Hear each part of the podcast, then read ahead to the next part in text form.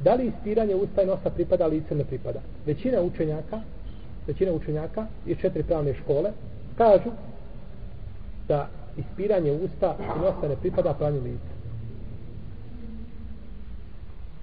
Dok neki učenjaci kažu da pripada. Ispiranje usta se čini tako što voda se znači uzme u usta i pomjera se u i šupljinu voda. Znači tako da se isperu ovaj usta dobro, a ispiranje nosa se vrši ušmrkivanjem vode u nos.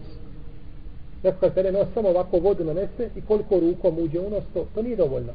Ti jesi uradio, to je ispravo, ti si radio, abdest će ti biti ispravan, neće to pokvariti. Međutim, ispravno ispiranje abdesta jeste da se ušmrkne voda, ne previše. Zato zašto Allahom poslanik kao kaže ispiraj nos punim intenzitetom osim ako si postač. Ako je to pun intenzitet da ti ovako staviš, šta je, kakva je onda značenje hadisa? Svatate li? Jer kada čovjek postač, znači kada ušmrkivaš, može otići šta? Ne, može otići nizgrlo da čovjek jel, prekine. Zato kaže, uvijek to čini osim kad si postač. Što, zna, što ukazuje da se a, a, nos ispira kako? Ušmrkivanjem i onda išmrkivanjem i tako se očisti nos. I ulema kažu da je čišćenje nosa, ovaj razlog za čišćenje nosa jeste to što čovjek kada uči Kur'an, određena pravila, kada imamo gunu, na primjer, kako ćeš gunu izgovoriti ako ti nos zapušen? Ne možeš izgovoriti gunu nikako. Da tako? Kako ćeš, kako ćeš izgovoriti klap? Kako ćeš izgovoriti ihfa? Sve, sve su ti, znači, ahkani vezani od propisi, zašto? Za, za nos. Pa mi znamo razliku između ovaj da kada čovjek uradi gunu i kada ne uradi gunu, kada zatvori nos. Kada zatvori nos i izgovori slovo i nema promjene, kada pusti, taj harf nema gune. A ako zatvoriš i mijenja se, ima gunu. Tako znači da, da ispiranje nosa je tu bitno. Kao što je ispiranje usta, čovjek opere u usta, znači od eventualnih hrane, znači mrva koje se ostale u ustima i sve što tome, da, da ne bi znači u namazu nešto progutao ili da mu ne bi znači smetalo pri učenju, pri učenju Kur'ana. Pa je to znači ispravan način ispiranja, ispiranja usta i nosa. I usta i nos se ispiraju jednim potezom. Uzme se znači voda, šaku i pola vode u usta, pola vode u nos. I tako tri puta. I to je lakši način, to je brže. Pola vode znači u usta uzmeš, pola u nos i šmakneš. Tako došlo kod Buhari i kod muslima. No, međutim, ko ispere usta i nos, tri puta usta, pa tri puta nos isto ispravno. Jer je došlo u hadisima koji bilježe Bubejd, svome djelo Tahur i drugi koji su ispravni, iz koji se zaključuje da je Allah poslanik šta? Razdvajao. Jer kaže se predajama, pa bi isprao usta tri puta i nos tri puta. Što kaže na šta, na?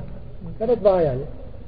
Pa bi isprao usta tri puta, potom nos tri puta. Što ukazuje na razdvajanje. Međutim, predaja kod Buhari i kod muslima je da je iz jednog poteza. Pa ispravno jedno i drugo, samo što je predaja kod Buhari i kod muslima, preča da, da čovjek po njoj radi. A ako bi znači uradio ponekad, i, i, jer veliki broj islamskih učenjaka iz različitih pravnih škola kažu da se razdaja.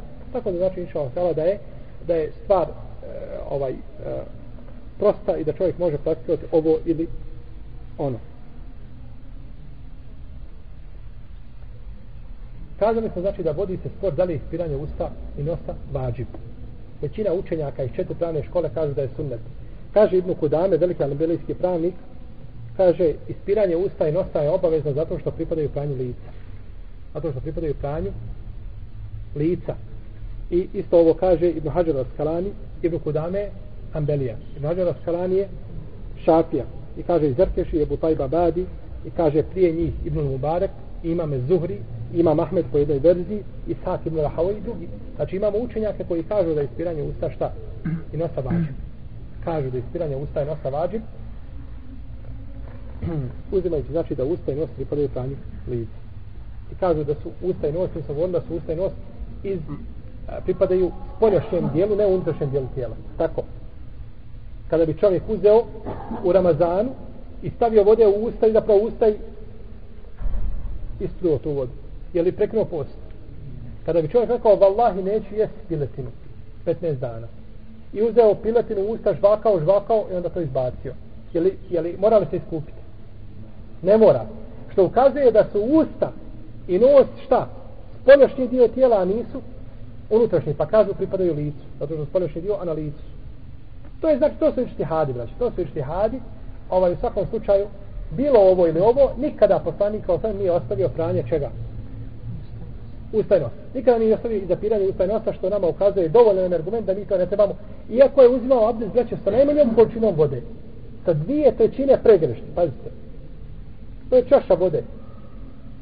Pored toga nije ostavio šta ispiranje ustajnosta. Pa da je to bilo dozvoljeno ostaviti, on bi to ostavio radi količine vode, jer, jer je mala količina vode je bila. No, međutim, nije to ostavio, tako da nam to ukazuje da ne trebamo znači ostaviti ispiranje ustajnosta, da je to sastavni dio abdesta, bez obzira koga se mišljenja držali, iako mišljenje koje kaže da će da ispiranje nosa važi je jako.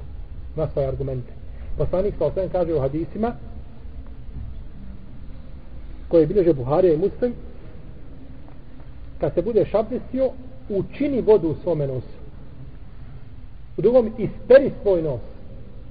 Isperi svoj nos. Kaže u predaj koji bliže Budavud, a i za ovo bate, sam obmid. Kada se budeš abdestio, isperi svoja usta. Isperi svoja usta. Pa su sve naredbe. A mi znamo da je naredba šta?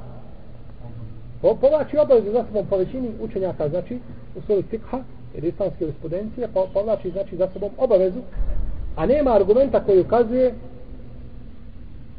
da to nije obaveza.